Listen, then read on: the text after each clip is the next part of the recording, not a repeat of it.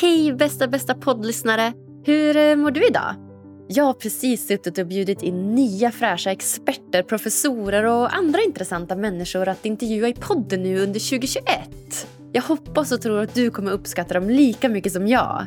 Och Du får också hemskt gärna slänga iväg ett mejl till agnesnablalyckopodden.se eller gå in på Lyckopoddens Instagram och tipsa mig om fler gäster som du är sugen på att lyssna på i år. Det är ju trots allt du som lyssnar så jag vill att du ska få vara med och bestämma. Och stort, stort grattis till dig som genom att lyssna på den här podden har valt att prioritera lycka och välmående i livet. Finns det något viktigare? Jag heter som vanligt Agnes Sjöström och den här podden presenteras i samarbete med hypnotication.com. Idag ska ni få lära er mer om sambandet mellan stress och prestation. Är stress något bra eller är det något dåligt? Hur upplever man sund stress? Vad är sund prestation och hur hänger de här ihop? Måste man uppleva stress för att kunna prestera? Måste man prestera genom att uppleva stress? Ja, det och många fler frågor kommer ni få svar på i det här avsnittet som gästas av ingen mindre än stress och prestationskunnige Caroline Norbeli. Hon har i över fem år drivit den framgångsrika podcasten Prestationspodden, är utbildad stresscoach och anordnar också yogaresor till Delhi. Hur himla härligt! Hon har också en bakgrund som utbränd och ja, jag tycker ämnet är så viktigt för att faktiskt kunna uppleva harmoni i livet. Det här är ett avsnitt riktat till dig som har svårt med den där balansen mellan just stress och prestation. Varsågod! Då säger jag välkommen till Lyckopodden, Caroline Norbeli! Tack! Woho! Vad spännande det känns att få intervjua en poddkollega i podden. ja, det är bra. Det är jätteroligt. Ja, vilket himla bra initiativ där när du skrev till mig och, och bad om ett eh, poddutbyte. Då, så att du kommer och pratar om ditt expertområde i min podd och jag pratar om mitt expertområde i din podd. Ja, jag tycker att de berör varandra på något sätt. Det är känslor åt olika håll. Verkligen, det har du helt rätt i. Känslor åt olika håll. Det är lycka, det är stress och prestation. Mm. Ja, men så himla spännande. Jag håller helt med dig. Och det är så att Du driver Prestationspodden, en podcast om prestation, stress och eh, personlig utveckling. Och det är som, som du säger, det är helt relevant till, till, min, till min podd också. Kan du inte berätta lite om din bakgrund? Vad har du för relation till prestation och stress? För ett bra tag sedan så jobbade jag inom reklambranschen. Jag var på ett sätt på rätt plats, på det, på det sättet att jag är rätt kreativ och så. Men eh, på de byråerna som jag hamnade på, de var väldigt små och då ska man göra allt. Och då fick man göra allt ifrån att liksom, ja på den tiden var det att skära patnoer till att eh, ja, men, göra små saker till att skapa stora kampanjer. Och jag var duktig på det här med att skapa kampanjer och komma på idéer, men eh, de här detaljerna var jag aldrig bra på, så jag fick kämpa väldigt hårt för att, för att vara bra. Liksom. Jag kunde se dem jag jobbade med var så här ämnade åt det verkligen, medan jag, jag ville gärna bara vara där, om man säger så. Och eh, till slut så blev jag enormt stressad för att hela tiden behöva ge av sig själv lite mer. Och det var, det var så här, jag fick gå hem på kvällarna och jobba sent och det blir liksom som att vara ett ekorrhjul. Och stressen tog över och ja, jag, jag mådde inte helt bra helt enkelt. Och det hör ihop med att jag hade fått en ansiktsförlamning som kom av en örninflammation åren innan. Så jag var liksom öppen mot den där stressen. Så en dag så kom jag till jobbet och då såg de på mig och sa, men Caroline, du mår ju inte helt bra. Så då gick jag hem. Jag fick inte någon så här, du är utmattad eller jag sökte aldrig någon diagnos, utan jag insåg bara att jag måste göra något annat. Och där startade mitt sökande, något som jag hade vetat hela tiden. Jag visste att jag var tvungen att göra något. Alla andra, mamma och alla mina kompisar sa att jag måste jobba med människor. Det är liksom det du är ämnad för. Men när man är så här ung så kunde jag inte se mig själv guida andra eftersom man har inte så mycket, eller jag hade livserfarenhet, men man är ändå lite novis om man säger så. Så jag sökte mig fram och skaffade jättetråkiga olika jobb och så här. Men det blev aldrig någonting beständigt och så fick jag barn och jag njöt av det, men jag grubblade väldigt mycket på vad är det jag ska göra i livet. Och då så kom en kille som hade barn på samma dagis som jag. Caroline, vill du starta en podd om stress? Han visste ingenting om min bakgrundshistoria och jag, jag såg det som tillfället att hjälpa människor, för det fanns ju någonstans där inom mig. Och det var något. Jag sökte mig bara till reklambyråer som hade så här, Rädda Barnen och jag sökte mig till sådana ställen för att på något sätt påverka och hjälpa. Och sen så, ja, så kom han och, eh, och vi bara startade igång i hans kök och satt och pratade om stress och prestation och till slut så bjöd vi in kända och okända människor för att prata om ämnet prestationspodden. Och eh, det var som ett eh, startskott för mig. Det var liksom, äntligen var jag i rätt fack. Man kan säga vad man vill om mig som poddare, men jag, jag var mer rätt liksom. Och jag träffade människor som var mer som jag och vi intervjuade coacher och terapeuter och alla möjliga som ville öppna sig. Och, eh, och där så började jag utbilda mig till coach och har grottat ner mig i stress och förändring egentligen. Mm. Mm, ja, men Spännande. Så att, eh, man kan säga att du har haft en ganska svår relation till både stress och prestation då, genom att ha blivit utbränd tidigare. Ja, men jag är verkligen känslig för stress och eh, ibland kan jag tycka att jag är dålig på att prestera också. När det verkligen gäller, då är, då är jag inte särskilt bra. Alltså det är som att jag laddar för länge. Om det är så att det är någon intervju jag ska göra med någon person som jag bara, gud den här intervjun kommer bli så bra, så kan jag själv uppleva att jag presterar lite sämre. Men jag har tävlat i tennis och varit jätteduktig i det, så prestation har ju varit bra. Men ja, stress, stresskänslig är jag verkligen. Just det. Har du svårt att då förhålla dig till prestation? Jag tänker nu när du beskriver det här att så här, du har en vision om att du ska prestera men upplever inte att du presterar. Hur, hur ser den relationen ut för dig? Nu kan jag bara tänka på i det jobbet som jag gör som podcaster, för jag blir inte så nervös när jag har mina kunder, utan det är väl där jag utmanas eller när jag ska hålla föreläsningar om stress. Så det tar rätt mycket för mig innan och eh, nej, men om jag verkligen, som med Robin Söderling till exempel, hade jag sett fram emot eftersom han var tennisstjärna, men då sover jag dåligt innan. Alltså, någon annan kanske bara går och lägger sig. Så jag får i alla fall hålla på och förhålla mig till hur jag presterar. Jag får förhålla mig till min stress och coacha mig själv. Ja, men utmanande. Ja. ja. Mm. Verkligen. Så att, eh, kan man då säga på något sätt att stressen i sig påverkar då din prestation? Ja, verkligen. Det kan ju göra det. Men jag måste ju arbeta med, med det själv, om man säger så. Tala till mig själv. Ja, men Spännande. Jag, jag tycker just att den relationen stress-prestation är så spännande. Så jag tänker att vi ska bryta ner det ytterligare och prata lite grann om vad stress är och om vad prestation är. För att mm. om jag relaterar till mig själv så så kan stress vara verkligen både något som kan vara både bra och dåligt och prestation kan också vara något som, som är både bra och dåligt. Men om, om, vi, om vi börjar med stress, vad, vad är stress för något? Det finns positiv stress och negativ stress, precis som du säger. Och den positiva stressen, den kortvariga stressen, den hjälper oss att prestera. Och eh, den negativa stressen är den långvariga stressen. För vi har två nervsystem.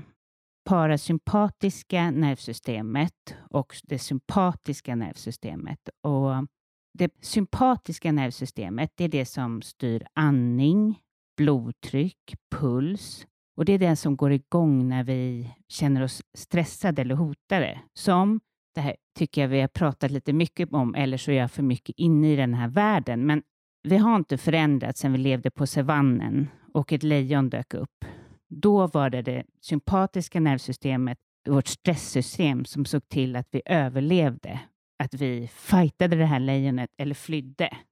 Och det som var bra då var ju att man kunde sitta, alltså hade man klarat fighta med det lejonet så kunde man sitta på savannen och andas ut och glädja sig över det här. Och det gjorde ju att vi fick den här återhämtningen och att det parasympatiska nervsystemet som är vårt lugn och ro-system slog på. Och det är också det här som du säkert har hört talas om, kortisolet. När, när vi ska fighta det här lejonet så, så producerar kroppen kortisol och eh, det är för att vi ska spänna våra muskler och fightas mot det här lejonet. Och som sagt, det är okej okay att ha höga kortisolnivåer en stund, men det är meningen att de ska sänkas. Men när vi står på en arbetsplats till exempel och chefen är jättejobbig och kollegorna med och uppgifterna är för många och barnen ringer och gråter och det är liksom inget stopp och Instagram stressar oss. Och, alltså det finns inget stopp så, så är stress farligt. Men en dos av det här är jättebra för då skärper vi våra sinnen och då presterar vi. Vi skulle inte klara att prestera annars. Så att egentligen är vi verkligen fantastiskt byggda, det är att vi lever i en värld som vi inte passar ihop med längre. Mm. Ja, men så himla bra förklarat, verkligen. Håller helt med dig där. Och vi har också läst väldigt mycket om just parasympatiska och sympatiska nervsystemet, hur utsöndring av kortisol påverkar våra kroppar och det här långsiktiga och kortsiktiga stressen. Så att och som du säger, vi lever ju inte på savannen längre. Vi har ju inga lejon bakom hörnet. Utan våra lejon idag det är ju deadlines och krav från chefen och barn som ska hämtas på dagis. Och när det blir liksom alldeles, alldeles för mycket av den här långvariga stressen då, då, ja, då blir vi utbrända och då klarar inte våra, våra kroppar av det riktigt. Så då, då går vi liksom mer på, på halvfart och det sätter sig på minnet. Vi kan ju få sämre minne och så vidare. Och så vidare. Så att, ja, mycket som, som kan hända som du säger. Så att, eh, Ja, just det här som är viktigt är just den här återhämtningen tycker jag. Att man kommer ihåg att så här, stress är okej, okay, men glöm inte bort att återhämta sig. Återhämta dig lika mycket som du stressar, om inte mer. Ja, men verkligen. Och det är det som är så bra. För att det är det jag tror att folk får höra så här, nej men gud, vi ska inte stressa. Så är det ju inte. Det är bara att vi ska lära oss att få in återhämtning och ha mer luft i schemat. Mm. Exakt. Och en bra sak som jag också tyckte var, som jag har börjat göra det är att jag har ju en klassisk kalender, du vet eh, måndag till söndag och så står det liksom tider och så bokar jag in då att här ska jag podda, här ska jag gå i skola, här ska jag jobba, här ska jag träna. Och det som fattades så, det var som att så fort jag såg en lucka i kalendern då såg jag det som att åh, här kan jag planera in någonting nytt. Så att man bara du vet, fyller på den här kalendern så att den är smockad. Men det jag börjar göra nu det är att när jag ser liksom en lucka i kalendern eller när jag liksom planerar en ny vecka då kan jag liksom skriva in att så här, den här dagen är återhämtning eller den här eftermiddagen är återhämtning, den här förmiddagen är mm. återhämtning. Så att man hela tiden försöker då balansera upp den här äh, nivån av, av återhämtning. Ja, och det är det som också är väldigt bra, för när människor ser sina kalendrar och de är fulla, det slår på stressen väldigt mycket att hela tiden se att jag är uppbokad hela tiden. Just nu under pandemin kanske inte det är ett faktum. Vi kanske faktiskt får vår återhämtning mer. Mm. Ja, men det har du nog rätt i. Det är mycket som har hänt under den här pandemin. Man har fått uh, värdera, värdera saker på ett helt annat sätt. Ja. Mm. Ja, men så himla spännande. Jag vet att du jobbar ju dels då oftast med gruppcoaching då när det inte är pandemi och du jobbar med enskild mm. coaching då inom just stressrelaterade frågor. Ser du något mönster? Vad är det folk behöver liksom hjälp med idag när det kommer till stress? Ofta så är, om man är väldigt stressad, så har man inte en förmåga att se vad det är som utgör stressen. Utan man har liksom som ett tunnelseende och man är alldeles för uppbokad. Så det första jag börjar med min kund efter att få höra om hur hennes situation ser ut är ofta att skala av. Ofta så har vi liksom tagit på oss saker som vi inte ens riktigt erkänner för oss själva. Man kanske inte inser heller hur mycket energi till exempel ens två barn tar. Man lämnar inte platsen för att man faktiskt har kanske blivit nybliven mamma, utan man trycker in livet, precis som innan. Som att det inte vore någon skillnad på att ha barn eller inte, om man nu tar den grejen. Eller att man inte inser att ens eh, jättehögpresterande jobb tar plats. Så att vi måste hela tiden ge rum och det är det, det börjar jag alltid med hos mina kunder. Mm. Så att då egentligen att göra lite luckor i kalendern, kan man säga det? Precis. Prioritera om. Uh. Jag ser också ofta att människor liksom lägger ner väldigt mycket tid på det som inte ger dem någonting.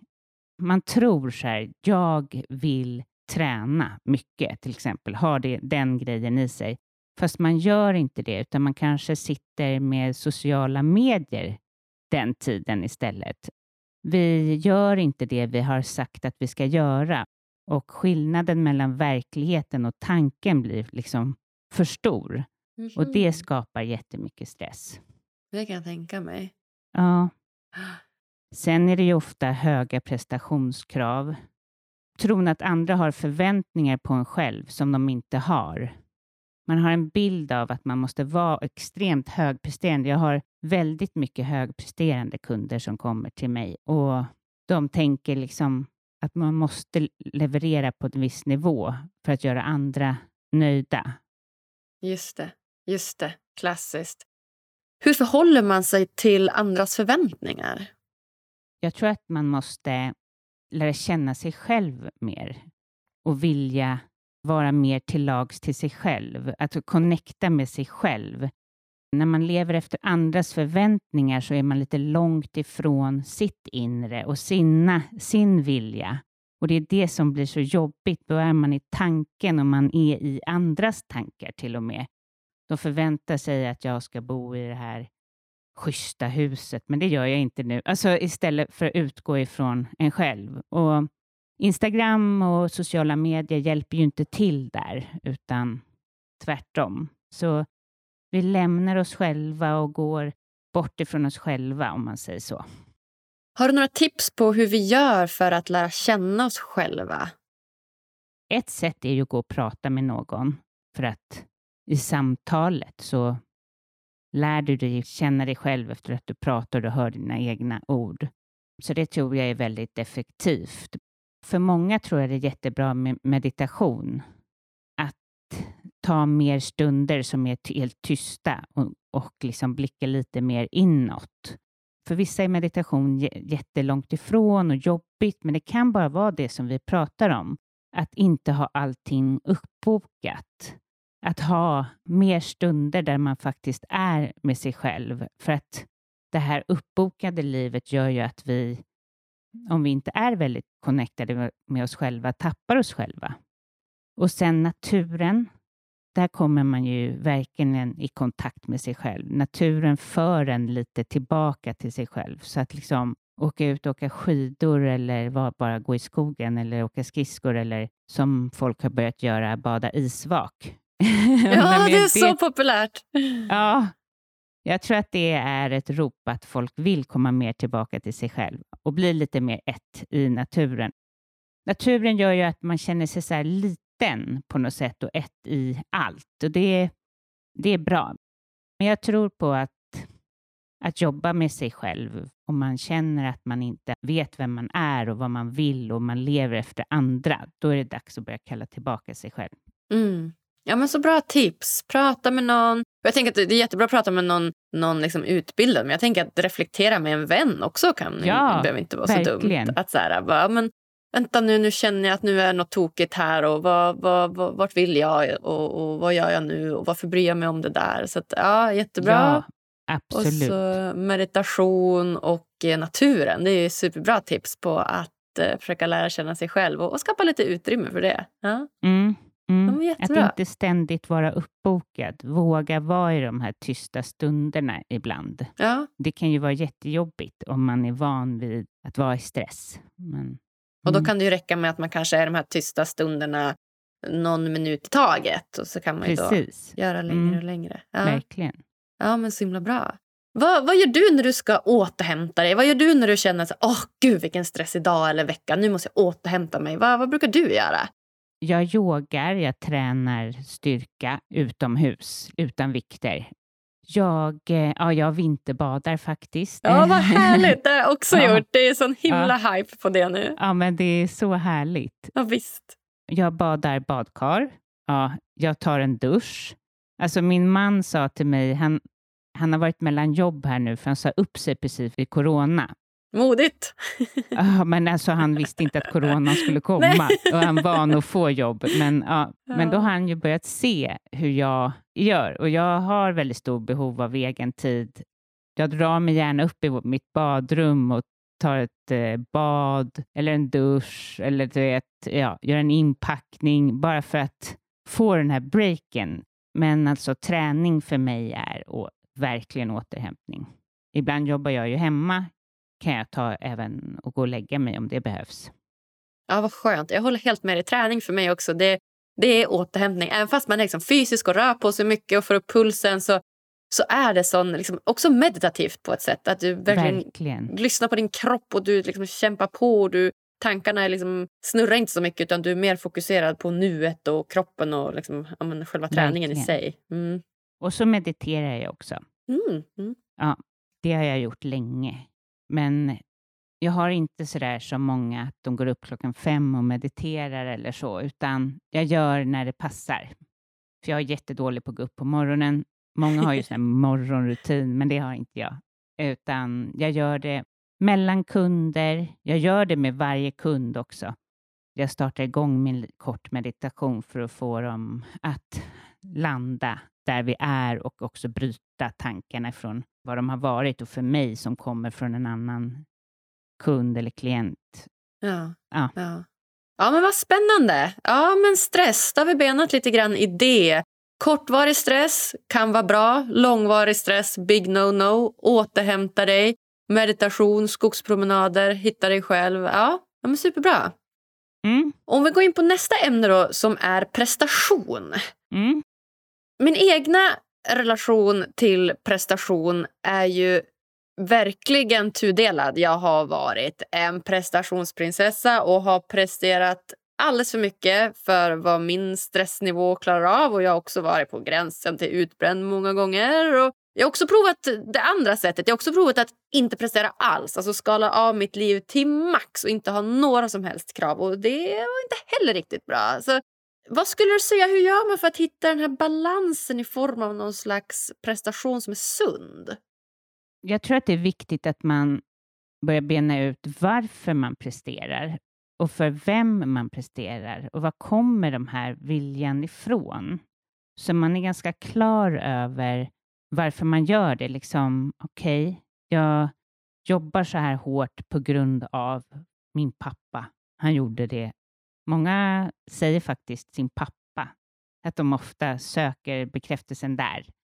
Det kan ju vara det och att eh, prestera utifrån sig själv, utifrån att göra någon annan nöjd, är väldigt dränerande. Att prestera inifrån, det kan också vara jobbigt, men det är mindre jobbigt än vad det är att prestera för någon annan. Så det brukar jag först och främst. Det handlar hela tiden om att komma lite tillbaka till sig själv. Och det är det ju också då med prestation. Och lite bena ut vad är det som man vill uppnå? Vad är själva känslan? Vad är drivkraften? Så att du vet vad det är för resultat du söker och kan du stanna upp i det resultatet efteråt? Kan du känna dig nöjd eller är det liksom bara något du bockar av. Ja, men det finns här, frågeställningar du kan ställa till dig själv som gör att du blir mer grundad i din prestation helt enkelt.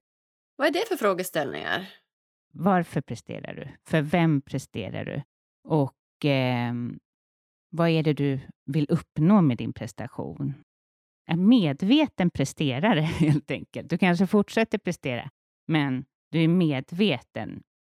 Och eh, Vissa kunder som jag har, de bara gör det aktivt liksom på deras jobb. De ska vara bäst eller de ska göra sitt bästa hela tiden, under hela veckan. Förstår du? Att vara bäst hela tiden, det är väldigt uttömmande.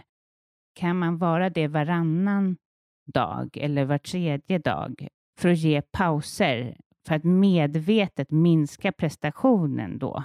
Och det kan vara svårt och det kan kännas jättejobbigt, men då kan man ta hand om de känslorna när det sker.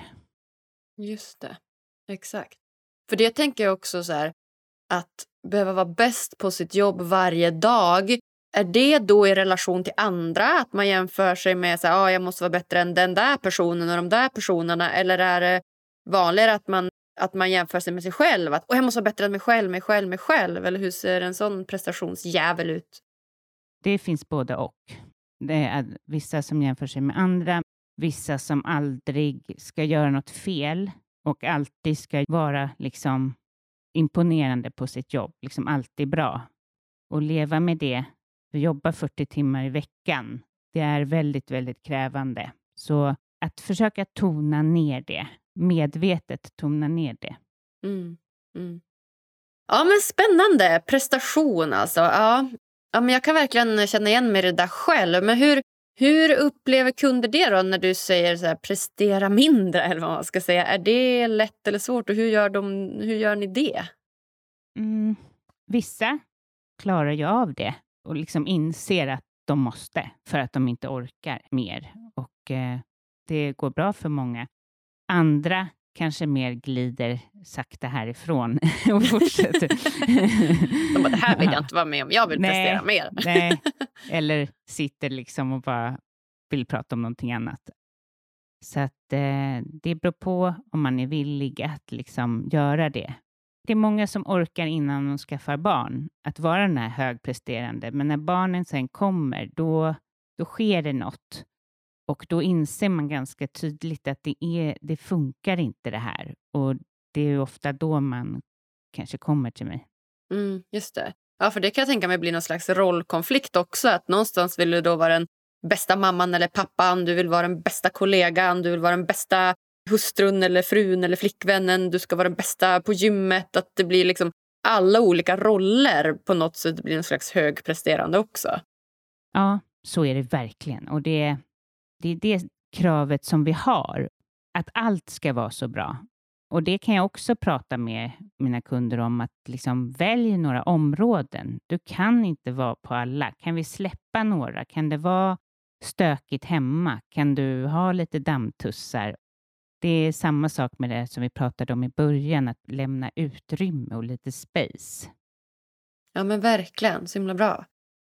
Och ja, men som jag sa, att prestera för lite är ju inte heller alltid nyttigt kan jag relatera till. just om, För jag, jag ser som det här med prestation, ser jag, jag kopplar utifrån ett lyckoperspektiv så kopplar jag det mer ganska mycket med så här, vad är din mening, vad är ditt mål, vad, vad drivs du av, vad tycker du är kul? För det är ju också något som människorna har ett behov av, att liksom sträva ja. någonstans, vilja någonstans. Och det, det är ju som du säger, det är verkligen något som är som är positivt i sig. Men det som är så farligt upplever jag i den här vardagen är ju att det får så stor plats i våra liv. Att det är liksom allt. Att vet, jobbet är heltid och det ska vara så maximal prestation och att vi jämför oss med varandra och så. så hur, hur gör vi för att prestera lagom? Ja, det är svårt. Alltså, att vara lagom, det passar vissa människor. Men andra gör det inte. Och då, när man inte gör det, när man är en presterare, det är då jag tror det är bra att välja område. För att vissa människor, om du pratar om dig själv som en överpresterare, då har du nog det i dig. Hur kan du hantera det? Alltså istället för att du ska bli någonting annat än vad du inte är, utan du är en högpresterare.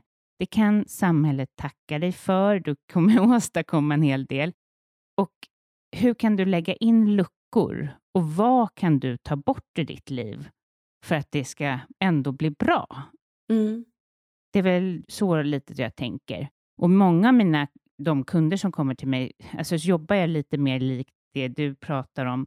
De kommer ju för att skapa ett nytt liv, alltså att de inte trivs i sitt liv och vill göra någonting helt annat och skapa en ny karriär och, och maximera sig på det sättet det är ju jättekul. Det är en jätterolig resa att få vara med en människa på. Ja, men spännande. Ja, jag håller helt med. Jag skulle ändå vilja säga det att eh, Varken stress eller prestation är farligt i sig men när det blir långsiktigt och för mycket ohanterbart och när man då upplever det här kortisolpåslaget när man känner sig superstressad eller när man presterar och börjar glömma bort saker eller man tycker inte att det är kul längre, då, då, då ringer det en liten varningsklocka. Verkligen. Och Jag tror att också det sätter sig på något sätt i kroppen. Så har man stressat och presterat länge så är det som att även om du inte lever det här jobbiga livet så är det som en spänning inom en som är väldigt svår att liksom lösa upp.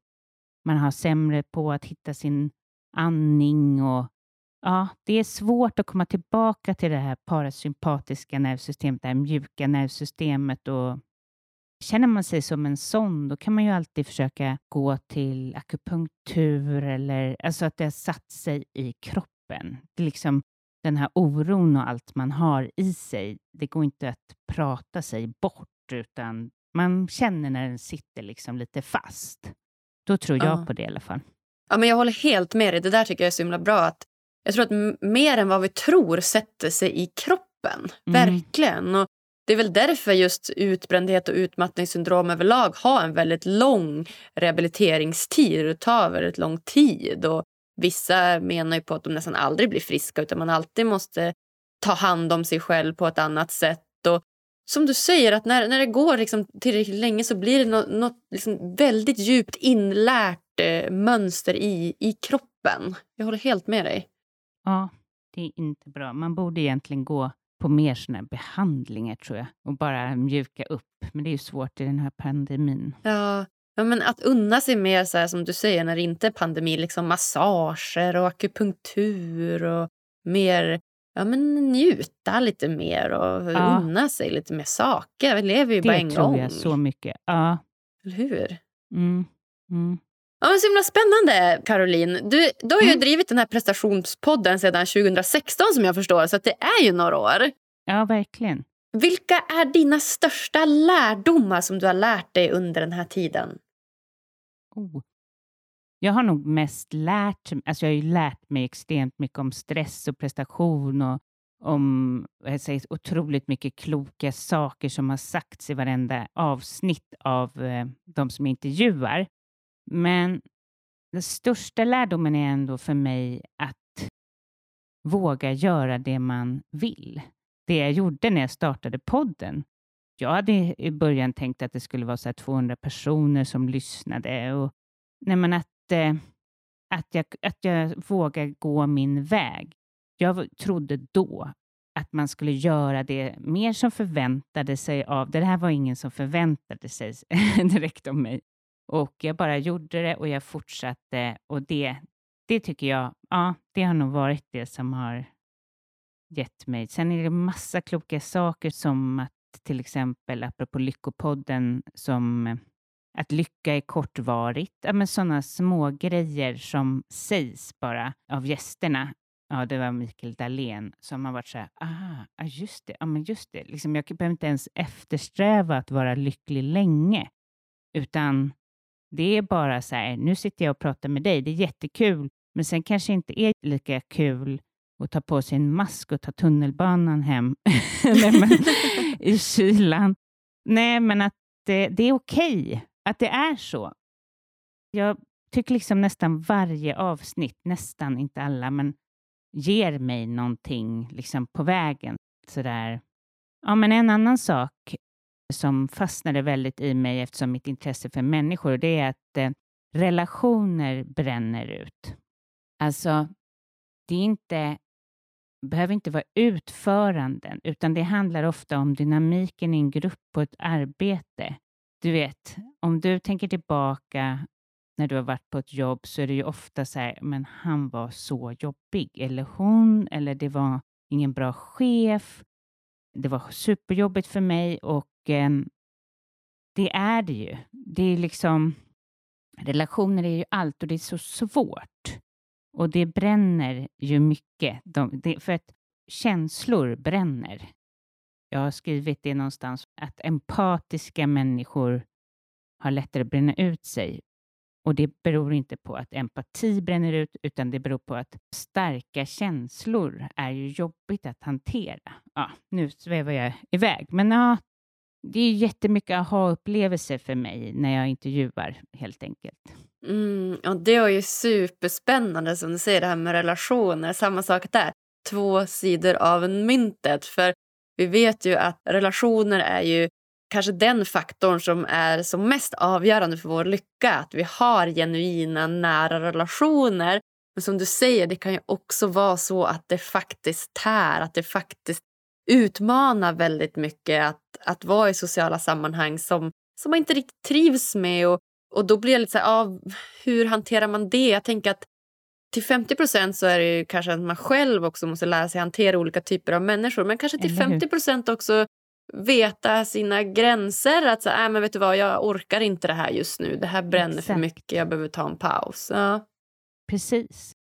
Det börjar ju ofta så här, någon börjar på ett jobb och trivs jättebra, men så är den där chefen och den, efter ett tag så börjar den liksom, chefen börja härja med den här personen och de, det går inte ihop. Att liksom sätta sin gräns innan det blir för mycket, innan man har tappat liksom sig själv på något sätt i den relationen. Och så kan det ju vara utanför. Det finns ju människor som tar extremt mycket energi av en, ens umgänge och kanske liksom se över, även om man, det är ju jättesvårt att göra sig av med människor, men så man ska ju vara snäll mot sig själv där också, kanske inte för hård och bara göra av med massa människor, men man kan ju undvika. Ja, ja men absolut. Jag håller helt med dig. Och det är synd att vi inte får lära oss mer om relationer och liksom gruppdynamiker och sociala konstruktioner i skola och sånt. För jag kan tänka att om man har haft en ganska trasslig uppväxt och, och har ganska svårt för relationer så, så kanske det lätt blir att man liksom distanserar sig lite för mycket. Till exempel om du har en viss anknytning så är det ganska lätt att säga nej inte du och inte du och vi passar inte och vi passar inte. Och, och då omedvetet så blir man ju ganska ensam i det. Och då tror jag också att man kan liksom behöva lära sig att okay, varför gör jag så här och hur, hur gör man för att skapa genuina relationer och autenticitet och, och sånt. Så det är relationer är bland det svåraste vi har. Verkligen, verkligen. Mm. Ja, men Så himla spännande, Caroline. Jag är så glad att du ville gästa mig här. Det här var ju superspännande. Mm. jag tänker att vi ska gå in på de sista frågorna här innan vi lämnar varandra för idag. Och den första frågan är ju då, vad gör dig riktigt lycklig? Ja, men det är nog att sporta på något sätt eh, faktiskt. Att röra på mig. Jag älskar vandring. Jag gör så vandringsresor till, till Mallorca. Alltså vandra i bergen. Alltså att utmana mig själv i naturen. Bada. ja. um, men också såklart, jag är väldigt social också. Jag tycker om att vara bland vänner, men det är nästan som man glömt bort hur det, hur det, är, hur det är att samlas. Liksom. Men det, jag minns att det var kul. ja. Eller hur? Ja, det är väl det. Resa. Ja. Ja, ja men vad mysigt. Om du fick ge lyssnarna en utmaning som de kan göra varje dag för att bli lite lyckligare, vad skulle det vara då? Mm, varje dag? Eller varannan dag kanske. Ja, men precis. Kanske ge sig själv utrymme att inte göra någonting en liten stund. Mm. Och om man är intresserad av meditation kan man ju testa det, men annars liksom ge sig själv mer utrymme för bara vara. Men det kanske är helt fel tid nu att säga det när det är pandemi och så. Så att eh, jag tror också att lära sig nya saker att hitta på någonting nytt i pandemin. Ja, jag skrev om det idag. Vår hjärna mår ju bra av det. Det vet vi säkert du. Att lära sig nytt. Så att just nu under den här pandemin tror jag vi behöver mer input. Så man kan ju gå någon kurs. Jag började vinterbada till exempel. Alltså, det är inte mycket att lära där, men det är nya upplevelser. Man blir glad av det. Man blir så här, oh, jag klarade det här. Och jag vet folk som drejar. Jag la ut det här inlägget och det var någon som hade börjat med travhästar och i sig, vuxen ålder. Ändå härligt. Ja, oh. Jag tror på det. Vi måste liksom göra saker som gör oss lite glada. Helt enkelt. Ja, jag håller helt mm. med dig. Det är faktiskt förvånansvärt få som säger det. Det är många som, som drar till med så relationer eller tacksamhet eller liksom fokuserar på det man redan har. Och Det är också bra, men Men det finns, det finns något väldigt, väldigt eh, ja, men, fint i att lära sig nya saker. Som du säger, just för hjärnans utveckling. För det var faktiskt, jag tror det var Sissela Nattli som är hjärnforskare som gästade mig i något avsnitt här, kanske 5-10 avsnitt sen. Och hon, hon var väldigt noga med det. Så här, ah, men för att bli lycklig så lär dig nya saker. Då stimulerar du hjärnan och du hamnar i det här klassiska tillståndet flow till exempel. Och det är så här klassiskt lycko, lyckotillstånd. Så att det var, var kul att du säger det. Och och just liksom med din bakgrund också, för det, du har ju som varit utbränd, har ju varit på den sidan av spektrat och nu det känns som att nu är det ändå utmana dig själv med lite nya saker och podden och bada och sådär. Så det Precis. är väldigt kul. Jag är kul. inte alls eh, utmattad längre. Jag har ju verkligen fått eh, kraft tillbaka, så till en utmattad så kanske jag inte säger det, men jag bara tänker att just nu i den här pandemin, folk har sån tristess, så då är det det som kommer upp men vanligen när livet är tillbaka och det är precis som vanligt, då tror jag att det är viktigast att ta in pauser, bara vara, lära sig meditera, för då, då tenderar vi ta på oss för mycket. Mm. Jag håller helt med dig. Och det som är så himla ironiskt där tycker jag, det är att så fort jag tar mig tid till att bara vara, alltså de här återhämtningsluckorna, då kan jag liksom njuta av det ett tag, kanske en timme och bara ah, gud vad skönt att ligga på soffan och sen går jag igång igen och bara men du, undrar om jag inte ska höra av mig till den här gästen i podden ändå? Eller du vet så här, åh, undrar vad de, vad de gör där på jobbet. Jag kanske ska gå förbi med en bulle och säga hej. Man ändå så här vill söka sig till människor och de sociala sammanhang och situationer man är Nej, det är jättesvårt. Det är ju svårt för att kroppen vill inte på något sätt. precis, precis. Så att ändå träna på det är nog bra. Mm, jätte. Ah, vad spännande! Och ja, om man vill komma i kontakt med dig och lära sig mer om prestation och stress och personlig utveckling, hur gör man då? Antingen kan man ju lyssna på prestationspodden eller så kan man följa mig på Caroline Norbeli coaching på Instagram. Och så en hemsida, carolinnorbeli.com, där man får mer beskrivet om hur jag jobbar och så. Ja, men supert. Mm. Ja, nej, det något eh, slutligen som du känner att du vill eh, dela med dig av till lyssnarna här och innan vi lämnar varann? Eh, gud, nej. Jag tycker du har ställt otroligt bra frågor och jag känner att ja, det var väldigt eh, täckande helt enkelt. ja, men vad härligt. Tack snälla för det. Och eh, nu ser jag fram emot att gästa din podd. Så att, eh, ja, jag vill säga tack snälla, snälla, snälla Caroline för att du kommer gästa oss här på Lyckopodden. Tack, tack. Ha det bra. Tack snälla. Wow, så himla lärorikt hörni! Stress och prestation kan alltså vara både positivt och negativt eh, till en viss grad. Och att målet bör vara att stressa och prestera lagom. Börja med att lyssna på din kropp. Hur känns det här för dig? Ja, det här var så lärorikt att prata med en person som i så lång tid har intervjuat personer och experter och professorer inom ämnet. Tycker ni det här var lika bra som jag? Gå gärna in på iTunes eller Podcaster och ge oss så många stjärnor som du tycker det här avsnittet förtjänar. Du hittar oss också på alla sociala medier under namnet Lyckopodden. Och du, tack snälla, snälla, snälla du för att just du lyssnar. Vi hörs på tisdag igen. Puss puss!